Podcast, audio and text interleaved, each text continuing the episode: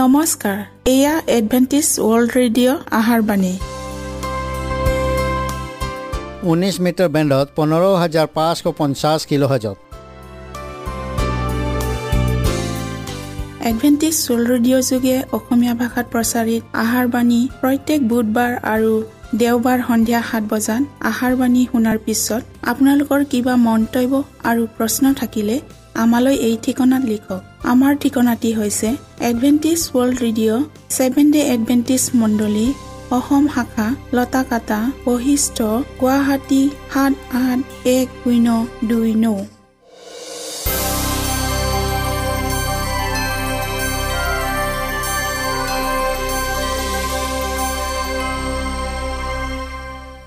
প্ৰিয় শ্ৰোতা বন্ধুসকল এতিয়া শুনো আহক এটি খ্ৰীষ্টীয় ধৰ্মীয় গীত।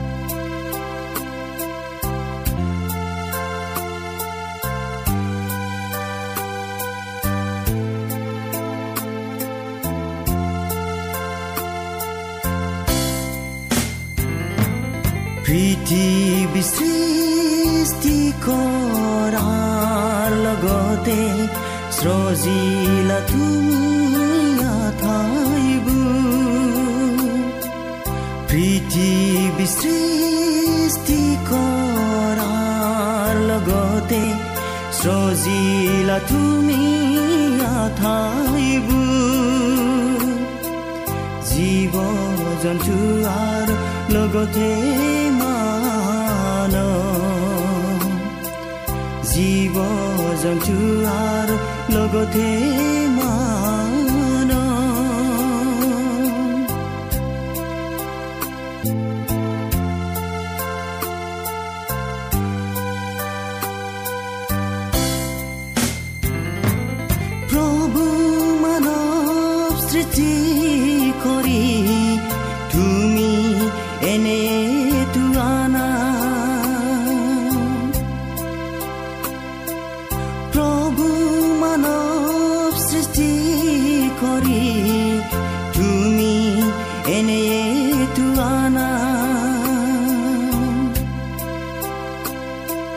দিশা কৰিব হাত ভৰি দিশা কৰিব হাত ভৰি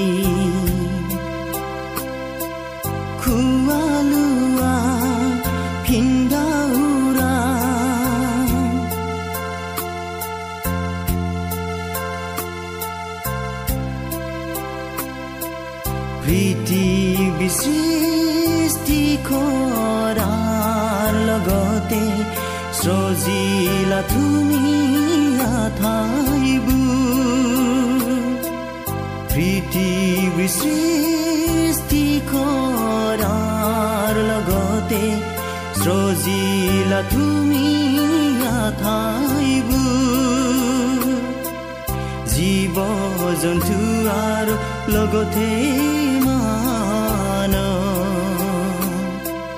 জীৱ জন্তু আৰু লগতে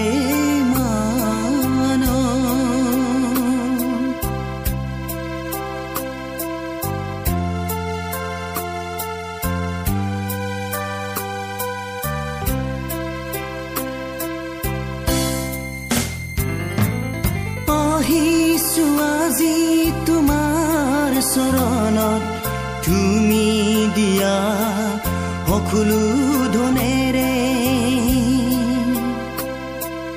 আহিছো আজি তোমাৰ চৰণত তুমি দিয়া সকলো ধনেৰে।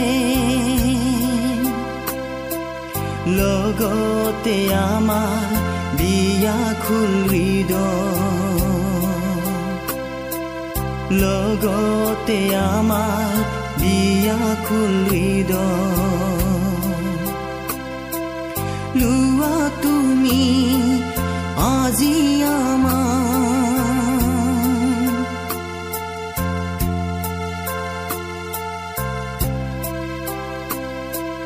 পৃথিৱী সৃষ্টি কৰাৰ লগতে সজিলা তুমি আঠাইবোৰ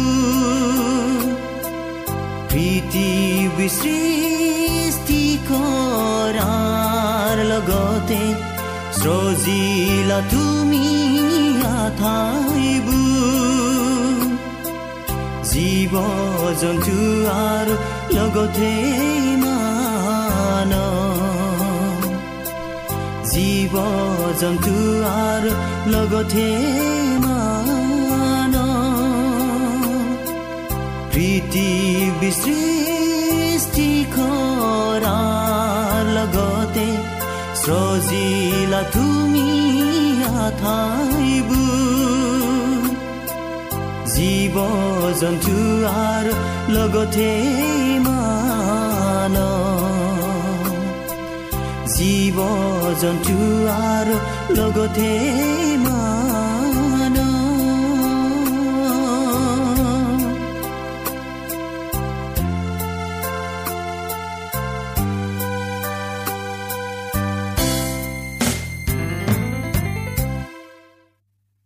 প্ৰিয় শ্ৰোতা বন্ধুসকল আহক আমি খন্তেক সময় বাইবেল অধ্যয়ন কৰোঁ হওক।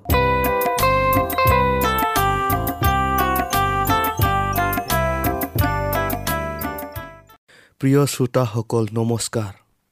যোৱা অনুষ্ঠানৰ কথা আৰু কৰ্ম এই দৃষ্টান্তৰ বাকী অংশটো আমি আকৌ অধ্যয়ন কৰোঁ হওক। শাস্ত্ৰ পদ হৈছে মঠি একৈছ অধ্যায়ৰ তেইছ পদৰ পৰা বত্ৰিছ পদলৈকে। ঈশ্বৰৰ বাক্য শুনাৰ আগতে আমি প্ৰাৰ্থনা কৰোঁ হওক।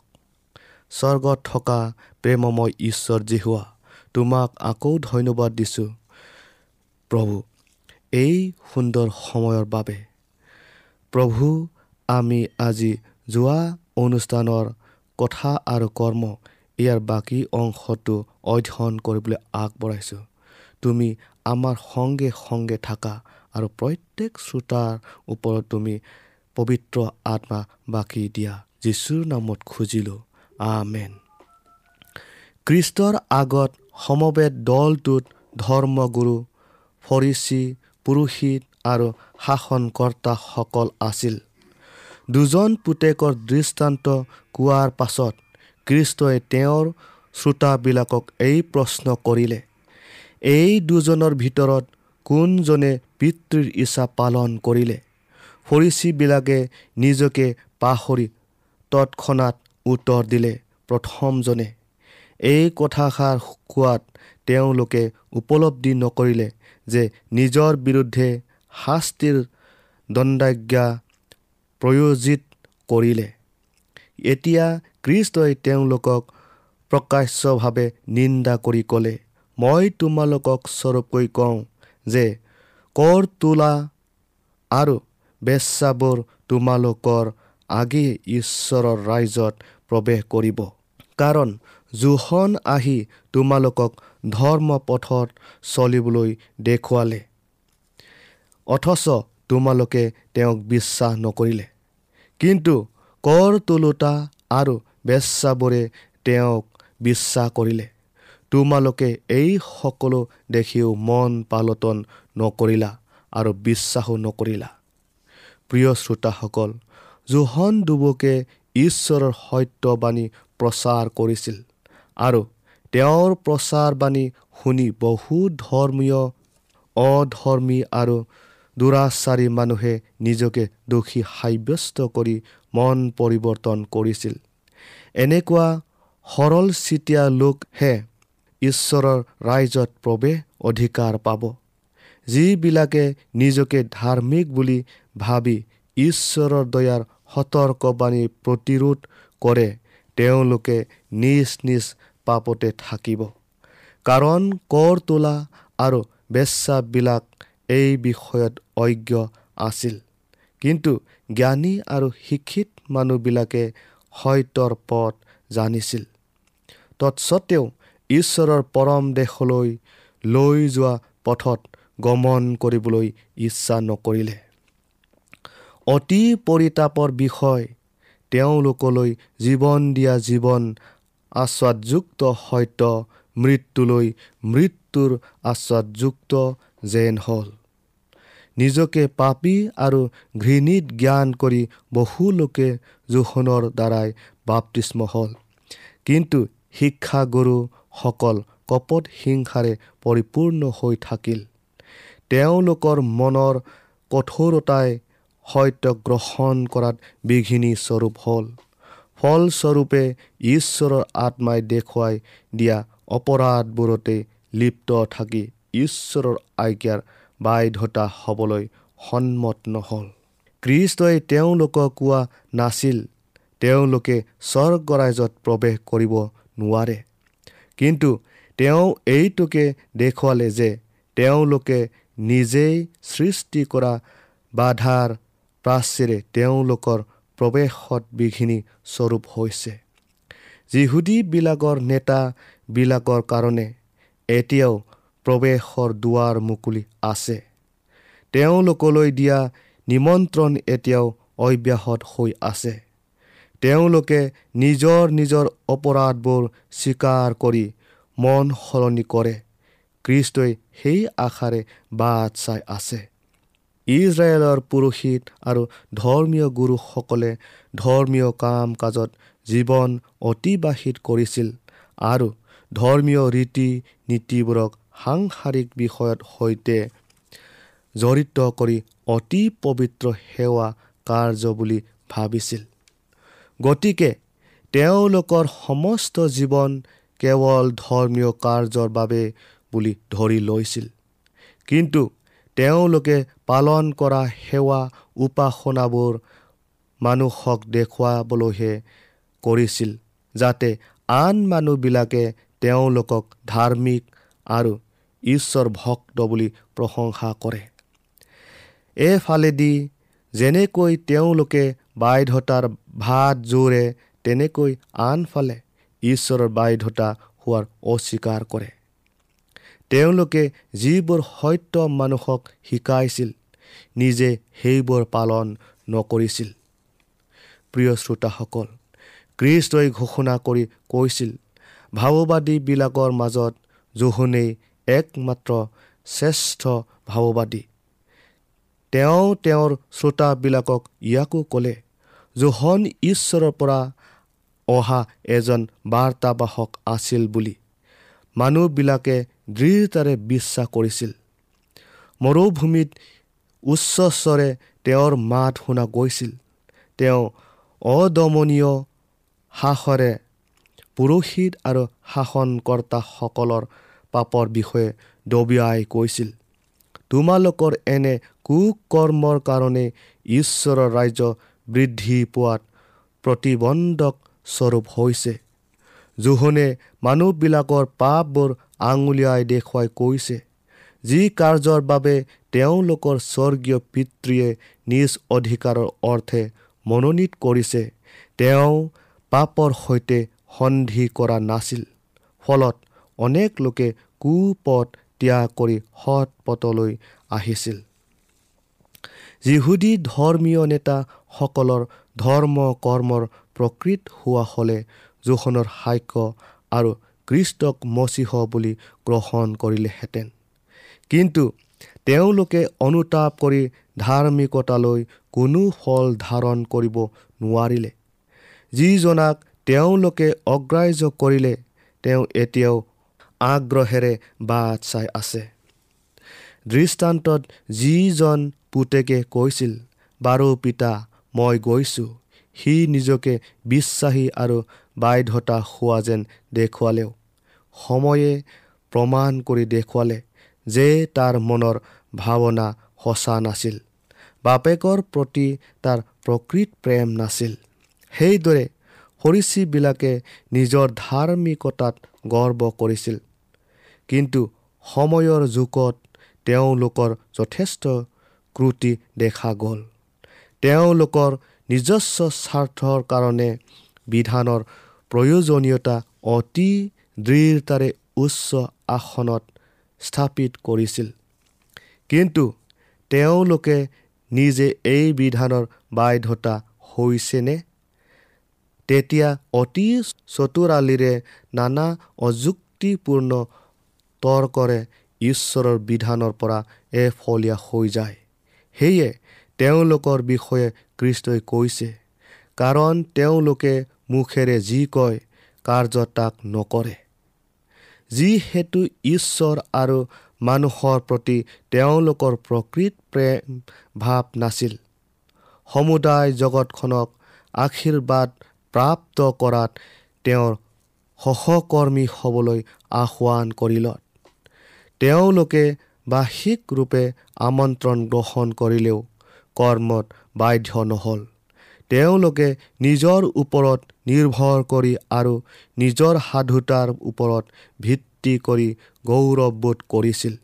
কিন্তু ঈশ্বৰৰ আজ্ঞা ভংগ কৰিছিল। যি কাৰ্যৰ অৰ্থে ঈশ্বৰে তেওঁলোকক মনোনীত কৰিছিল কিন্তু তেওঁলোকৰ অবাধ্যতাৰ কাৰণে অপৰাধ হোৱাত ঈশ্বৰে এই অবাধ্য জাতিটোক ত্যাগ কৰিবলৈ থিৰ কৰিলে। প্ৰিয় শ্ৰোতাসকল নিজকে নিষ্ঠাৱান বুলি ভবাটো প্ৰকৃত ধাৰ্মিক বুলি নকয়। আৰু যিবিলাকে ইয়াতে আসক্ত হৈ থাকে তেওঁলোকে মাৰাত্মক প্ৰবঞ্চনাৰ ফলাফল ভোগ কৰিব ই নিশ্চিত। ঈশ্বৰৰ আজ্ঞা পালন কৰোঁ বুলি অনেকে দাবী কৰি কয় কিন্তু তেওঁলোকৰ হৃদয়ত আনলৈ প্ৰৱাহিত হ'ব পৰাকৈ ঈশ্বৰৰ প্ৰতি প্ৰেম নাই। কৃষ্টই তেওঁলোকক তেওঁৰে সৈতে যুক্ত হৈ জগতখনক মুক্ত কৰা কাৰ্যলৈ আহ্বান কৰিছিল। কিন্তু তেওঁলোকে বাৰু পিতা মই গৈছোঁ বুলি কৈয়ে সন্তুষ্টি লভিলে। প্ৰকৃততে তেওঁলোক নগ'ল। ঈশ্বৰৰ পৰিচৰ্যা কৰা লোকবিলাকৰ সৈতে সহযোগ নকৰিলে। কাৰণ ঈশ্বৰৰ কাৰ্য কৰিবলৈ এলাহ কৰিছিল। অবিশ্বাসী পুতেকজনৰ দৰে ঈশ্বৰৰ আগত আহৈ মাতিলে। মণ্ডলীৰ পবিত্ৰ বিধিৰ ভাৰ বহন কৰি তাৰ অনুজ্ঞত হ'বলৈ ঈশ্বৰৰ সাক্ষাতে তেওঁলোকে নিজকে প্ৰতিজ্ঞবদ্ধ কৰিলে আৰু তেওঁৰ কাৰ্যৰ অৰ্থে সমৰ্পণ কৰিলে। কিন্তু প্ৰকৃততে কাৰ্য কৰাত ব্যৰ্থ হ'ল বাৰ্ষিক ৰূপেৰে তেওঁলোকে নিজকে ঈশ্বৰৰ সন্তান বুলি দাবী কৰিছিল যদিও স্বভাৱ চৰিত্ৰত দৈনন্দিন জীৱনৰ চলা ফুৰাত কথা বতৰাত তেওঁৰে সৈতে থকা সম্বন্ধ অস্বীকাৰ কৰা স্পষ্ট পৰিলক্ষিত হৈছিল। তেওঁলোকে মিছলীয়া হোৱা হেতুকে ঈশ্বৰৰ ইচ্ছাত আত্মসমৰ্পণ নকৰিলে। তেওঁলোকে প্ৰতিজ্ঞা কৰা বাধ্যতাত আচলতে সিদ্ধ কৰিবলৈ কোনো প্ৰকাৰৰ বলি উৎসৰ্গৰ প্ৰয়োজন নাছিল। কিন্তু আত্মত্যাগী আৰু আত্মবলিদানেৰে যথেষ্ট আছিল। কিন্তু যেতিয়া ক্ৰুজ তুলি ল'বলগীয়া হ'ল অৰ্থাৎ যন্ত্ৰণা দুখ ভোগ লাজ অপমান ইত্যাদিৰ সন্মুখীন হ'বলগীয়া বুলি জানিলে। তেতিয়া তেওঁলোক পিছ সুহকি গ'ল। এইদৰে কৰ্তব্যৰ প্ৰতি থকা উৎসাহ ক্ৰমান্বয়ে হ্ৰাস পাই আহিল আৰু তাৰ লগে লগে ঈশ্বৰৰ আজ্ঞা উলংঘন কৰা অভ্যাসত পৰিণত হ'ল। কাণেৰে তেওঁলোকে ঈশ্বৰৰ বচন শুনিব পাৰে। কিন্তু আত্মিক বোধ শক্তি নাইকিয়া হ'ল। হৃদয় কঠিন হোৱাত হিতাহিত জ্ঞানো লোপ পালে। নেভাবিব আপুনি তেওঁৰ সেৱাত ব্ৰতী হৈ আছে কাৰণে কৃষ্টৰ বিৰুদ্ধে শত্ৰুতা বুলি নিশ্চিত সিদ্ধান্ত প্ৰকাশ কৰিব পৰা নাই। ইয়াৰ দ্বাৰাই আমি নিজকে প্ৰতাৰণাহে কৰিছোঁ।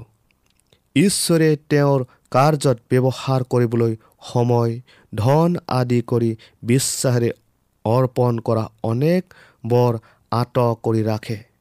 এইটো ঈশ্বৰ বিৰোধী কাম।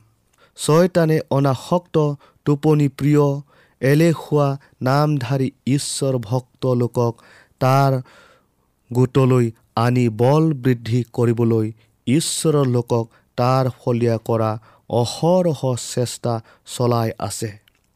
অনেক মানুহে ভাবে তেওঁলোকে কৃষ্টৰ দৰে শুভসু কাৰ্য নকৰিলেও তেওঁৰ পক্ষতে আছে।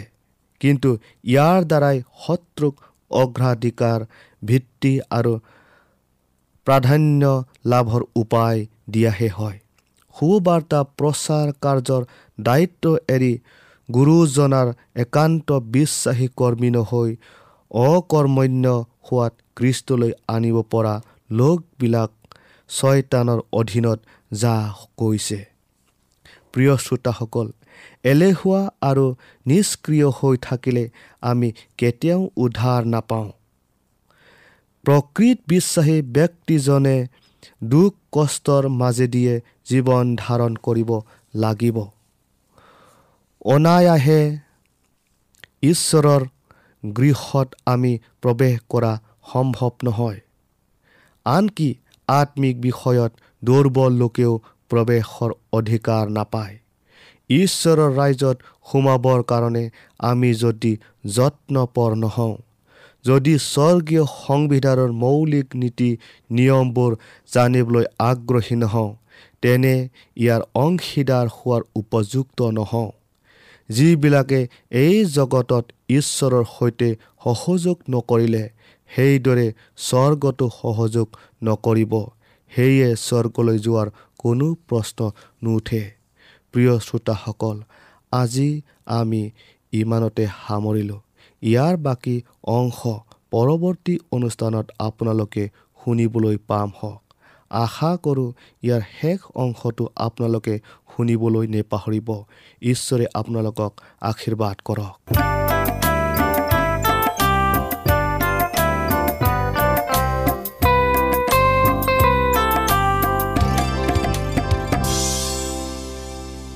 ইমানপৰে আমি বাইবেল অধ্যয়ন কৰিলোঁ। এতিয়া আকৌ শুনো আহক এটি খ্ৰীষ্টীয় ধৰ্মীয় গীত।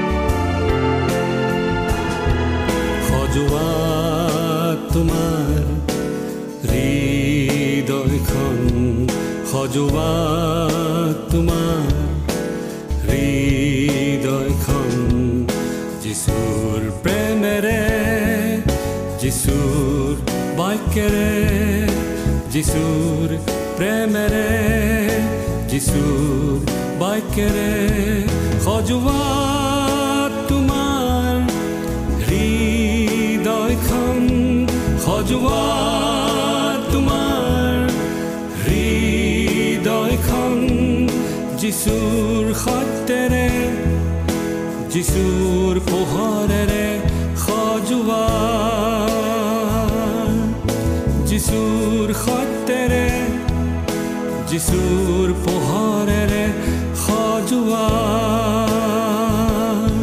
সজোৱা তোমাৰ হৃদয়খন সজোৱা তোমাৰ হৃদয়খন যিচুৰ প্ৰেমেৰে যিচুৰ বাক্যেৰে যিচুৰ প্ৰেমেৰে যিচুৰ বাক্যেৰে সজোৱা তোমাৰ হৃদয়খন সজোৱা তোমাৰ হৃদয়খন যিচুৰ সত্যেৰে যিচুৰ পোহৰেৰে সজোৱা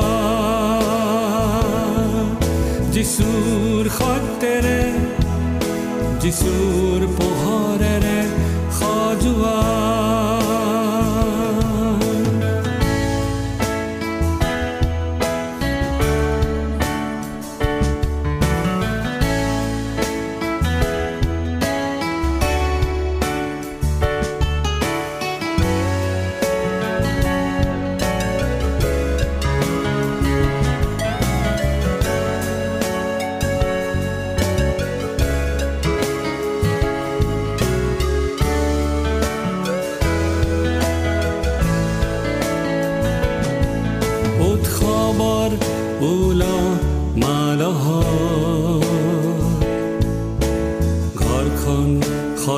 তার দরে।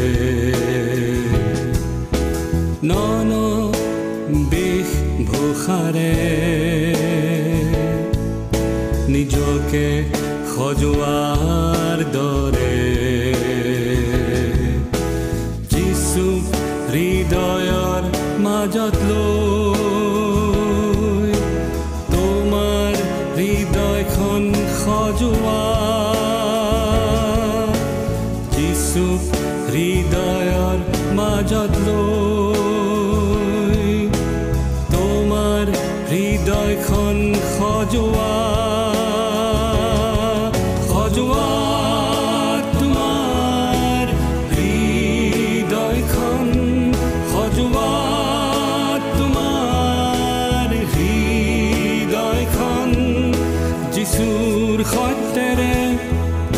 যিচুৰ পোহৰেৰে